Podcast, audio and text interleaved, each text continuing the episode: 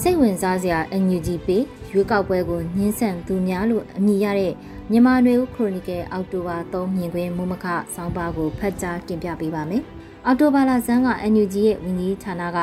net pay wallet စမ်းသပ်ကာလပြီးဆုံးပြီးပုံမှန်နှုံးသားတွေနဲ့စတင်လဲပတ်မယ်လို့ကြေညာပါတယ်။အရင်စမ်းသပ်ကာလဇွန်လကနေစက်တင်ဘာလအတွင်းမှာ digital ပတ်စံအိတ်ကိုတစ်ခု1000နဲ့ဝယ်ယူရင်3000ဘို့ဝန်ဆောင်မှုနှုတ်ယူပါတယ်။ အခုကတော့ပတ်စံတစ်လုံးကို9000အိတ်ပိုနှုတ်ပါတယ်ကျန်တဲ့9000ချက်ကတော့ကိုကြိုက်တာသုံးဖို့ပါလက်ရှိမှာ Android ဖုန်းတွေနဲ့ Mobile Application Net Pay ကို install လုပ်နိုင်ပြီးမကြခင်မှာပဲ Apple version ရမယ်လို့သိရပါတယ်မူလကမြန်မာပြည်စင်ကာပူထိုင်းနဲ့အာရှနိုင်ငံကသုံးဆွဲသူတွေကိုဥတီထားတာလူ9000လောက်မှန်းထားခဲ့ရကသုံးဆွဲသူတသိန်းကျော်ပြီလို့သူတို့အစီရင်ခံစာထဲမှာဆိုပါတယ်သူတို့ဝယ်ထားတဲ့ digital ကျပ်တန်း3000တနည်းအားဖြင့်3ဘီလီယံရှိနေပြီတဲ့ မြန်မာပြည်တွင်းကမြန်မာကျပ်ငွေကို digital ကျပ်ပြောင်းဆွဲထားတာကျပ်ဘီလီယံကျော်တယ်လို့ပြောတဲ့ကြားပါတယ်။ DMMK နဲ့ငွေဦးတော်လှန်ရေးအတိုင်းဝိုင်းအတွင်းမှာလုံခြုံစိတ်ချစွာငွေကြေးလဲလှယ်ခြင်းပြောင်းလဲသုံးစွဲခြင်းအတွက်ရည်ရွယ်တယ်လို့ရေးထားပါတယ်။လက်ရှိမှာ DMMK ပြောင်းပြီးဘွန် EOD share နဲ့ငွေခွက်တွေဝယ်ယူနေကြတယ်လို့သိရပါတယ်။လက်ရှိမှာဝမခကစမ်းသက်သုံးစွဲကြည့်တော့ ဤပညာတည်ကျွမ်းဖို့အဆင့်အလက်တန်းရှိဖို့လိုပါတယ်။လက်ရှိကျပ်ဒေါ်လာယန်စက်ကူငွေကြေးကိုအေဂျင့်ကနေ DMMK ပြောင်းလဲဖို့ငွေလွှဲတာလုပ်တတ်ဖို့လိုပါတယ်။ကို digital အငွေအိတ်ထဲ DMMK ပြောင်းသိမ်းပြီးရင်တော့ KP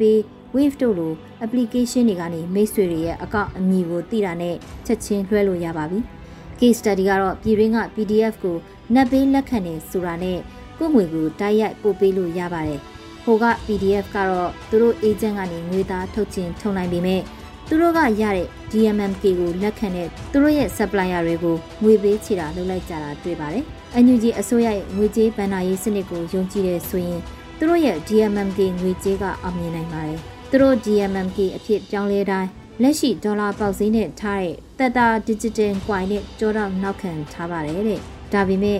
ကျဲထိုးတဲ့အလုပ်နဲ့နှိုင်းမယ်ဆိုရင်တော့ထိုးသားတွေထိုးထားတဲ့ငွေကသားကိုဒိုင်တွေကတင်ထားတာမို့ဒိုင်ကမလျော်တော့ရင်တော့လူတိုင်းနစ်နာမှာဖြစ်ပါတယ်။ဒါပေမဲ့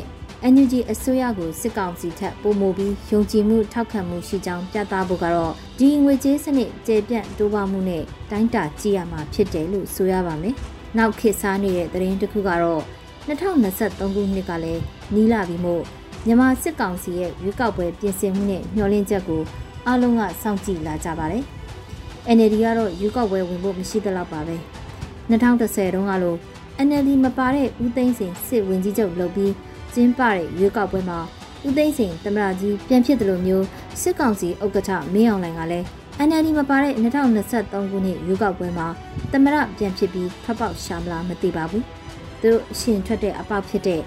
ကြံ့ဖွတ်ပါတီမှာအခုကလေးကနေရာအပြောင်းလဲ ခေါင်းဆောင်အပြောင်းလဲတွေလုပ်နေကြပြီဖြစ်ကြောင်းသတင်းတွေကဆိုပါတယ်။တော်လန်ရေးအင်အားစုတွေကတော့2023ခုနှစ်ရွေးကောက်ပွဲကိုတပိတ်မှတ်ဖို့နဲ့အယုံကြည်မရှိကြောင်းထုတ်ဖော်ပြောဆိုနေကြပါတယ်။ရွေးကောက်ပွဲဆိုလို့အမေရိကန်ပြည်ထောင်စုကတော့ရွေးကောက်ပွဲကိုအသုံးချပုံနဲ့ရှုမြင်ပုံမြန်မာတွေနဲ့ကြွားတယ်လို့ဆိုရပါမယ်။2020မှာဒေါ်နယ်ထရန့်ရွေးကောက်ပွဲရှုံးတော့အမေရိကန်ရွေးကောက်ပွဲမတမာမှုလို့ဆွဆွဲပြီး2021ခုနှစ်ဇန်နဝါရီ6မှာ မင်းမဲ့စရက်လူအုပ်ကြီးကိုမြှောက်ပေးပြီးလွတ်တော်ကိုတိမ့်ပိုက်ဖို့စူးစမ်းခဲ့ပါတယ်။မောင်မြင်တဲ့အခါမှာအင်ဒီတော်ကစင်းချိန်မှာပဲသမရသစ်ဂျိုးဘိုင်ဒန်သမရကျန်းကျိန်ပွဲကိုမတက်ဖ ೇನೆ တပိတ်မှောက်ခဲ့ပါတယ်။အခု2022ခုနှစ်ဂျားကာလလွတ်တော်အမတ်တွေရွေးကောက်ပွဲမှာတော့ထရန့်နောက်လိုက်နိုင်ငံရေးသမားတွေကထရန့်လိုပဲရွေးကောက်ပွဲရှုံးလို့ကတော့မဲမတမလိုပဲလို့ကြိုတင်ကြွေးကြော်နေကြပါပြီ။သူတို့နိုင်ရင်ရွေးကောက်ပွဲကမျှတပြီးသူတို့ရှုံးရင် မတရားမှုလို့လောက်ကျန်အကောက်ညံစင်ကြသူတွေနိုင်ငံရေးသမားတွေရဲ့ရွေးကောက်ပွဲကိုအသုံးချပုံရှုမြင်ပုံတွေဖြစ်ပါတယ်။မြန်မာအာဏာရှင်တွေကတော့ရွေးကောက်ပွဲမဲနိုင်ဖို့အရေးသူတို့ကိုအနိုင်ယူမဲ့သူကိုအရင်ဖယ်ရှားပြီးမှဝင်ပြန်ရင်ကြပါတယ်။အမေရိကန်လက်ရစွန်းတွေကတော့မနိုင်လို့ကတော့လိန်လိုပဲဆိုပြီးရွေးကောက်ပွဲစနစ်ကိုအသေးဖြတ်ကြဖို့အကွက်ဆင်ကြပါတယ်။မြန်မာပြည်နဲ့အမေရိကန်ပြည်သူတွေအတွက်မေးခွန်းကတော့ရွေးကောက်ပွဲကိုတမာတမတ်ကြကြတရားမျှတတန့်ရှင်းအောင်မလုပ်နိုင်ကြပါဘူး လက်ခံဖို့လဲဆန္ဒမရှိကြတဲ့လူအုပ်စုတွေအတွက်အာဏာနဲ့ပါဝါကိုရယူဖို့အရေးဘယ်လိုမျိုးစနစ်နဲ့အရှုံးနိုင်ဆုံးဖြတ်ခြင်းကြပါလဲအစွန်းရောက်လက်နက်အားကို